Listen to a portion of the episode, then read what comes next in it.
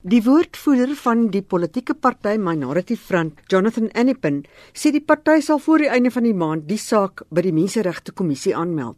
and we will expect the Human Rights Commission to take the matter up. We believe that whilst there are some Indian folk in our community who have some sort of success in terms of business, the majority of Indian people in this province still live below the breadline. So people like Malema must not come and threaten the Indian community because we will treat it with the scorn and contempt it deserves because we will not be taken for granted in this province or in this country. Malema het Saterdag by die EFF se 4de verjaarsdagparty in Durban die Indiërs in KwaZulu-Natal skerp gekritiseer oor hoe hulle swartes behandel. They are the ones who are owning strategic things in KwaZulu Natal. We don't have a problem. We are saying to them, share with our people. We also want to call upon our fellow Indians to respect Africans. They are ill treating them. Western Afrikaners will do. I've been going around here. Our people are crying tears when they speak about how Indian fellows treat them as subhumans.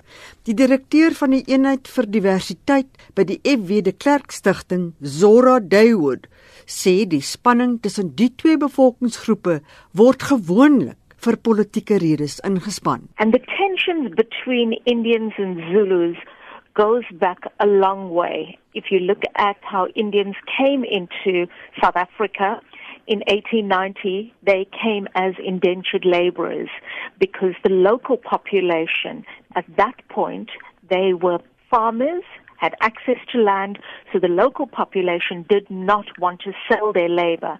And that's why Indian indentured laborers, mainly from the south of India, were brought in to work on the sugarcane plantation. Sy glo vas dat Julius Malema die spanning vir politieke doeleindes misbruik. These tensions have always been there.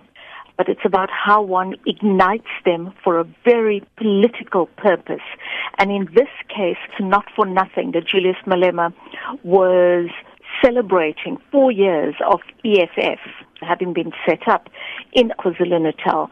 It is Zuma's home territory and it's a very tactical election move to go to that province and try to make inroads into Zuma's perceived territory.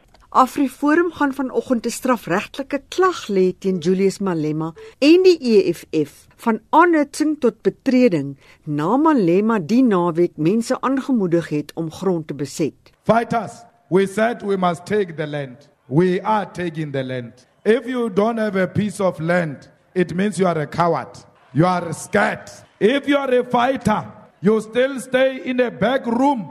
You are a coward. Go and identify a piece of land. Anywhere where you like it, occupy. That is your land. Die adjunkhoof van AfriForum, Ernst Roots, sê hulle doen dit by die Littleton polisiestasie in Pretoria. Ons het al reeds 'n probleem in hierdie land wat misdaad en kriminaliteit betref en nou het ons een van die invloedrykste politici in die land wat openlik op 'n politieke platform staan en sy mense aanhit om dit te doen. Dit sal roekeloos van ons wees om nie in te gryp in hierdie geval nie. Wat Malema as dit ware gedoen het was om 'n misdaad te pleeg. Om iemand aan te hit om 'n misdaad te pleeg is op sigself 'n misdaad. En dit is iets wat aangespreek moet word. Dit was die adjunkhoof van die burgerlike organisasie AfriForum, Ernst Roots. Mitsi van der Merwe, SAK nuus.